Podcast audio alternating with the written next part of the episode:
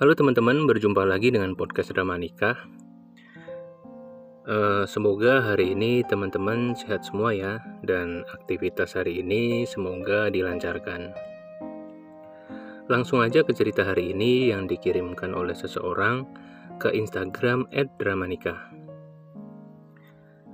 Teman-teman Drama Nikah, nama aku Hani. Waktu itu usiaku 17 tahun. Aku ini seorang gadis desa yang mencoba peruntungan bekerja di Jakarta. Aku bekerja sebagai asisten rumah tangga, tepatnya di kebun jeruk Jakarta Barat. Niatku ke Jakarta ingin bekerja dan membantu keuangan orang tua. Alhamdulillah, waktu itu aku betah bekerja di tempat kerjaku. Walaupun bosku ini agak sedikit pelit, tetapi aku bertahan karena memang butuh uang untuk aku kirimkan setiap bulannya ke orang tua, dan juga untuk membeli barang-barang yang aku inginkan lah. Aku ingat sekali saat itu lagi zaman-zamannya sosial media Facebook. Aku yang memang suka bosen saat selesai bekerja, nah biasanya malam hari aku suka sekali buka Facebook untuk hanya sekedar update status, like, dan komen postingan-postingan temanku. Um, aku banyak sekali mendapatkan teman di Facebook, banyak juga dari mereka ini yang sebenarnya belum kenal di dunia nyata dan belum pernah bertemu sama sekali. Salah satunya seorang pria yang bernama Hendra. Hendra ini orang asli Jakarta, uh, tepatnya di Jakarta Pusat. Menurutku, dia ini berbeda sekali ya dengan yang lain. Uh, dia baik, perhatian, care sama aku. Siapa sih wanita yang tidak luluh ketika diberi perhatian lebih dan disayang. Pasti eh, lama-lama akan luluh kitanya. Nah benar, lama-lama aku semakin dekat dengannya, bahkan sampai tukeran nomor handphone, SMS-an, teleponan, kemudian uh, kami juga tukar foto, tukeran foto.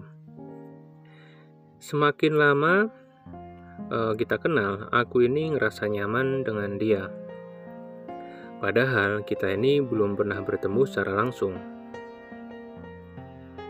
Tapi aku sama dia sudah merasa dekat, merasa saling jatuh cinta. Hingga akhirnya, akhirnya kita pacaran, menjalin hubungan LDR. Ketika menjalin hubungan itu, paling kita uh, eh, SMS-an, telepon, kemudian chat uh, di Facebook. Hubungan seperti itu berjalan sampai 10 bulan dan kami belum pernah bertemu sama sekali. Walaupun seperti itu, aku tetap nyaman menjalani hubungan lewat sosial media. Selama hubungan eh, selama hubungan kami berjalan setiap hari teleponan di malam hari eh, karena siangnya kami sama-sama sibuk bekerja. Hendra sering sekali ya mengajak uh, untuk bertemu di luar. Tetapi karena aku ini orangnya penakut, aku pasti selalu bilang ke dia ketika diajak, nanti aja ya kita ketemunya kalau diizinin sama bosku. Uh, aku susah keluar nih karena sibuk bekerja. Padahal sebenarnya aku takut uh, banyak kan berita di TV ada kejadian gadis yang diculik karena kenalan di Facebook. Jadi setiap diajak ketemu pasti aku selalu menolak. Kemudian ketika lebaran, waktu itu aku pulang ke kampung. Dan ketika mau pulang kami berniat bertemu. Sekalian aku mengenalkan Hendra ke orang tuaku Nah, ketika bertemu uh, waktu itu di depan minimarket, sikap Hendra ini memang sama ya seperti saat kita LDRan ketika teleponan. dia terlihat sebagai laki-laki uh, laki yang baik. Uh, sama lah persis seperti gambaran ketika kita menjalin hubungan LDR nggak ada yang beda. Kemudian saat perjalanan pulang kampung oh ya kami pulang kampung uh, naik motor Hendra ya. Uh, singkat cerita kami tiba di kampungku malam hari. Orang tuaku menyambut dengan wajah sumringah karena satu tahun kami ini tidak bertemu. Karena satu tahun tidak bertemu, karena satu tahun tidak bertemu, maka terlihatlah wajah ibu itu bahagia sekali. Eh, kemudian orang tuaku menanyakan tentang Hendra. Aku saat itu bercerita tentang semua perihal lah hubungan hubungan kami gitu. Nah, tetapi di situ aku sedih setelah aku menceritakan semuanya. Orang tuaku ini malah kelihatan tidak suka. Dia tidak suka aku membawa Hendra ke rumah, mengenalkan sebagai calon suami lah. Dia kurang suka. Eh, soalnya ada laki-laki yang sudah berniat melamarku. Karena orang tuaku memang berharap aku mempunyai suami yang orang kampung juga, satu daerah gitu. Tetapi waktu itu aku tetap kekeh mau menikah dengan Hendra. Bodohnya aku saat itu. Orang tuaku pun luluh dan mau merestui kami. Aku tidak berpikir panjang untuk menerima pinangan Hendra menjadi istrinya. Kemudian tiba saatnya di hari bahagia kami. Hendra membawa seluruh keluarganya. Pernikahan yang kami tunggu-tunggu akhirnya terjadi. Tetapi jujur, kenapa di hatiku ada sedikit keraguan antara yakin atau tidak dengan pernikahan ini.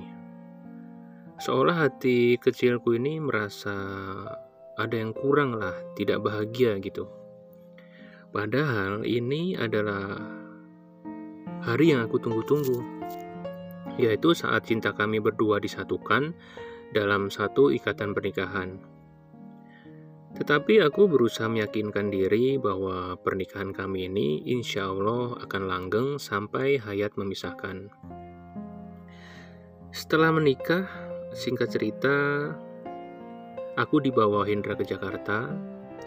Kami tidak bisa berlama-lama di kampung karena Hendra bekerja di sebuah minimarket yang sistemnya kontrak sehingga Hendra tergesa-gesa untuk kembali lagi ke sana ke Jakarta uh, untuk bekerja kembali.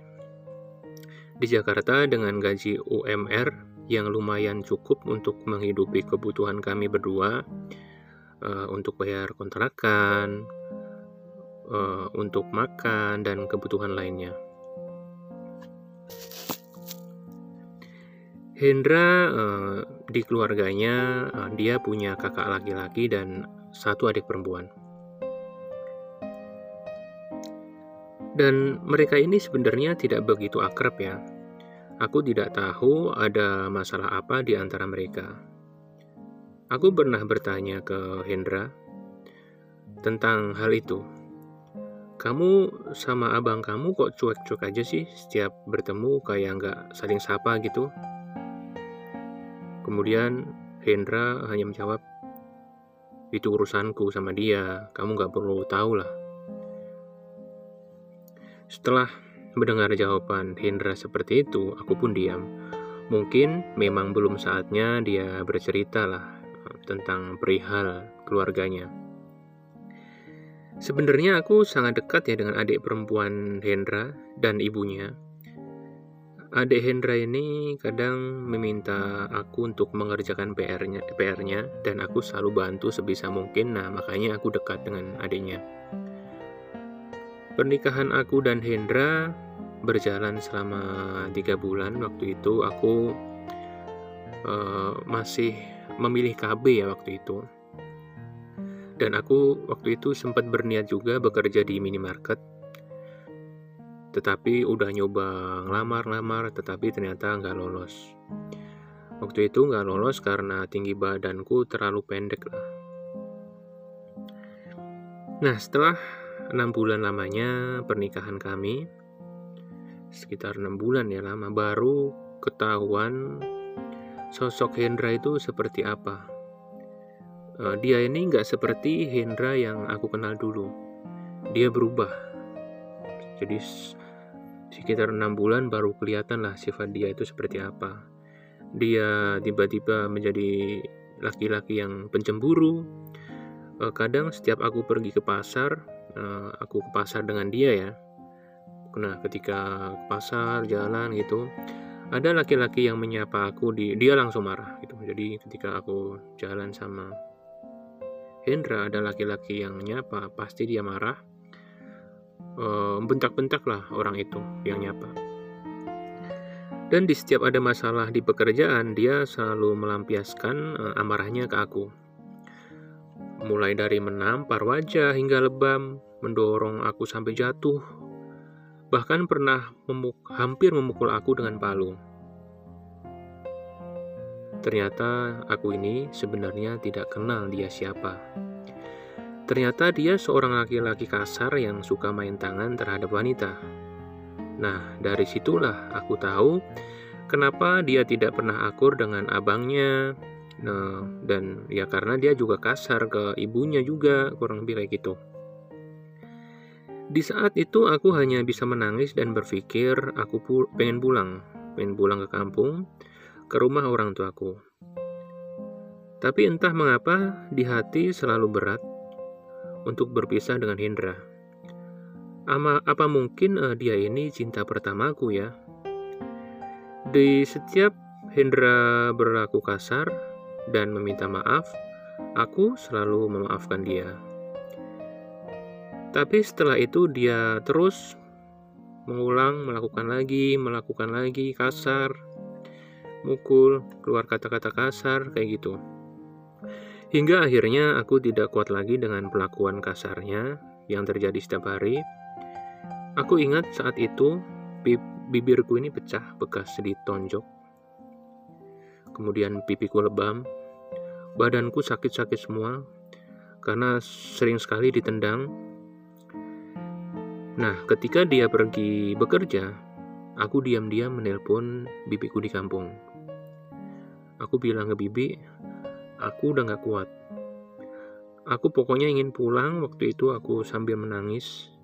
Aku ceritakan semua ke bibi dan bibiku uh, akhirnya cerita semua ke ke ayahku. Nah, malamnya ketika Hendra ketika Hendra pulang eh, pulang kerja, bapakku menelpon dia dan menanyakan kabarku. Tetapi Hendra berbohong, katanya uh, Hani di sini baik-baik aja, gitu. Dia bicara ke ayah seperti itu. Dan katanya dia ini cuma mengarang cerita lah, dan menyuruhku untuk meminta maaf, kata dia seperti itu. Akhirnya, aku pun meminta maaf dan aku tarik ucapanku.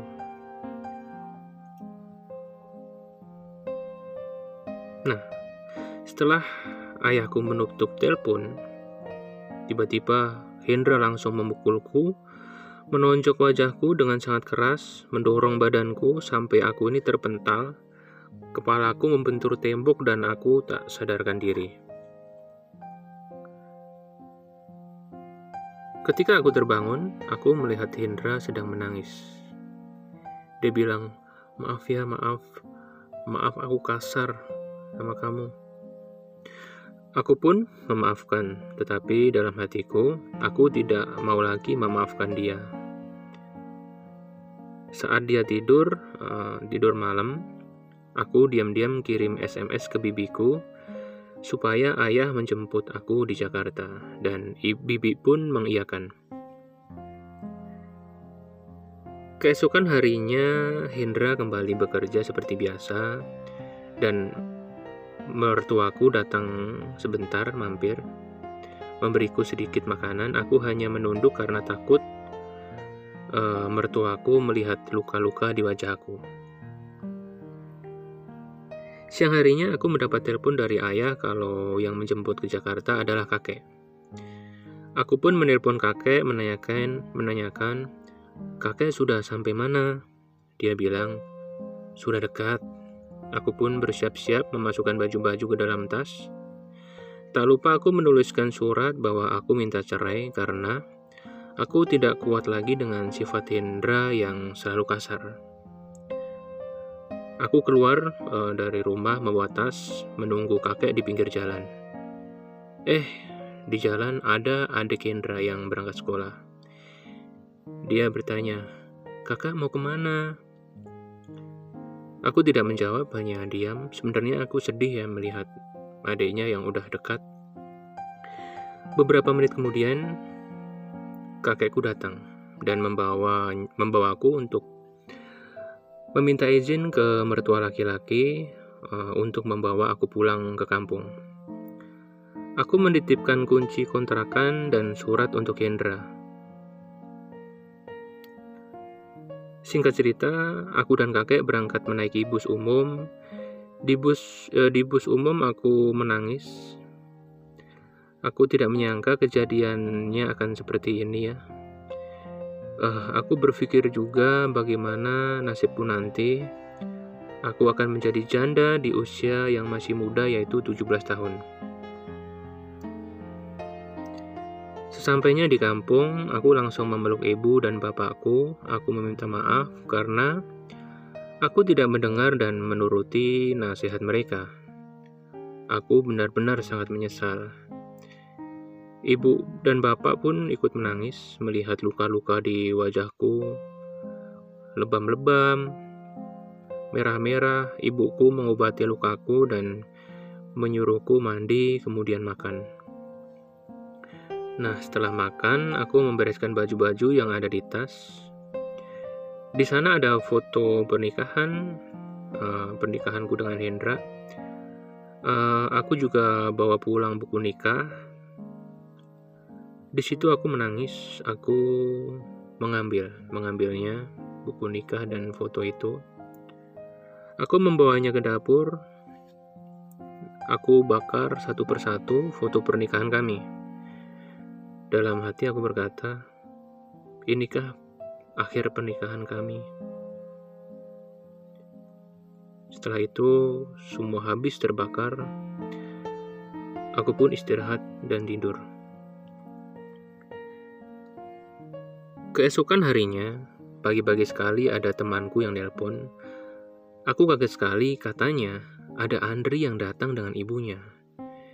Dia jalan menuju rumahku. Aku pun uh, disuruh ibu untuk pergi ke rumah nenek, untuk ngumpet lah istilahnya. Di rumah nenek yang tidak jauh dari rumahku untuk bersembunyi ya. Karena aku takut pasti Hendra berbuat kasar lagi. Dan setibanya di depan rumah, uh, setibanya Hendra di depan rumah, aku dengar uh, dia teriak-teriak memanggil namaku dan dia pun bahkan memarahi ibu dan nenekku. Ibu pun uh, ibu pun menangis, ketakutan, ketakutan, kemudian lari ke rumah RT. Hendra mengejar ibu sesampai di rumah Pak RT.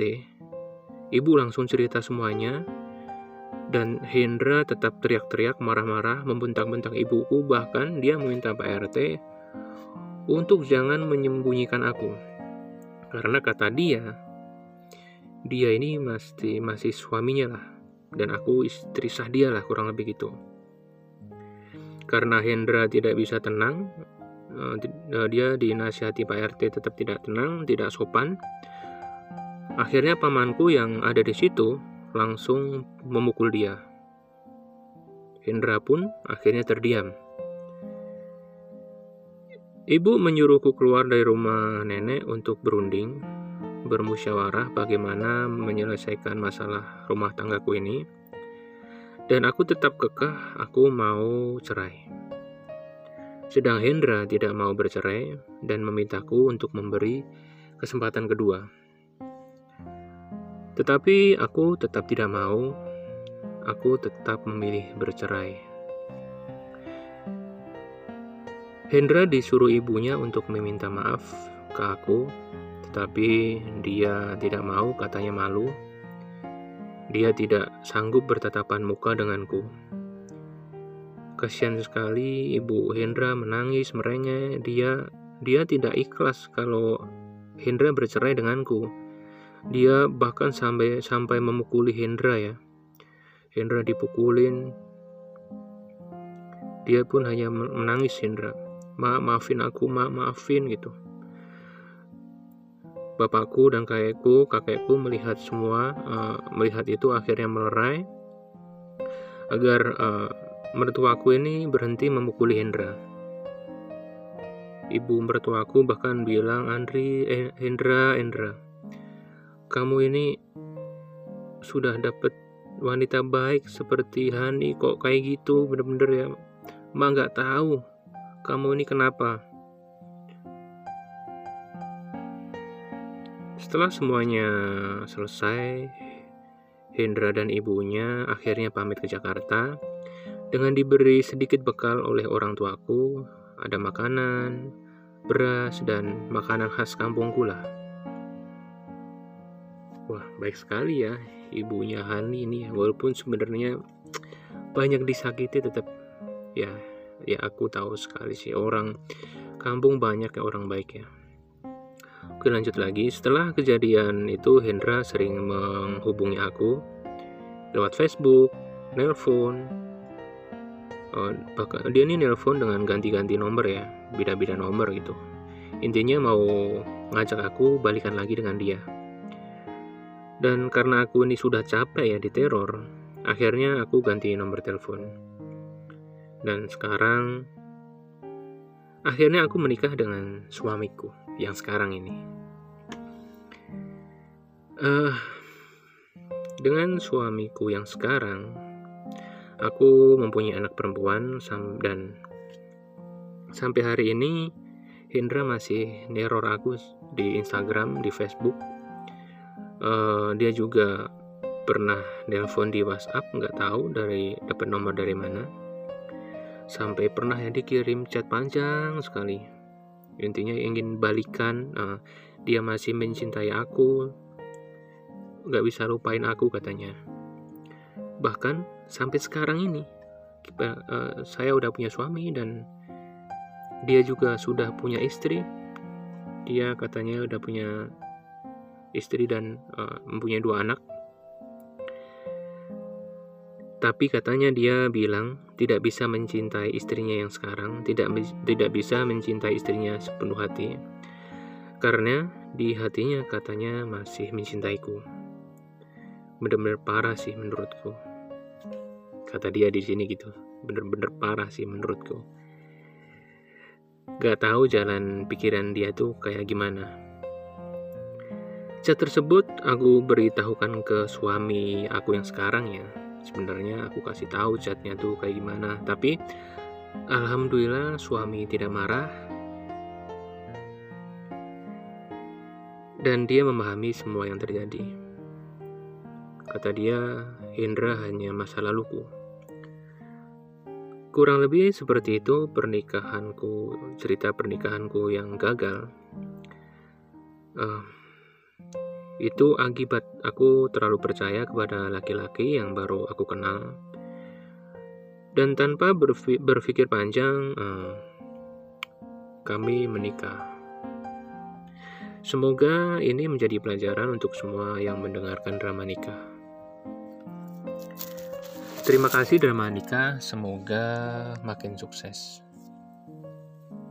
Oke, terima kasih Hani, ceritanya sangat apa ya, sedih ya tapi intinya endingnya kan bahagia ya.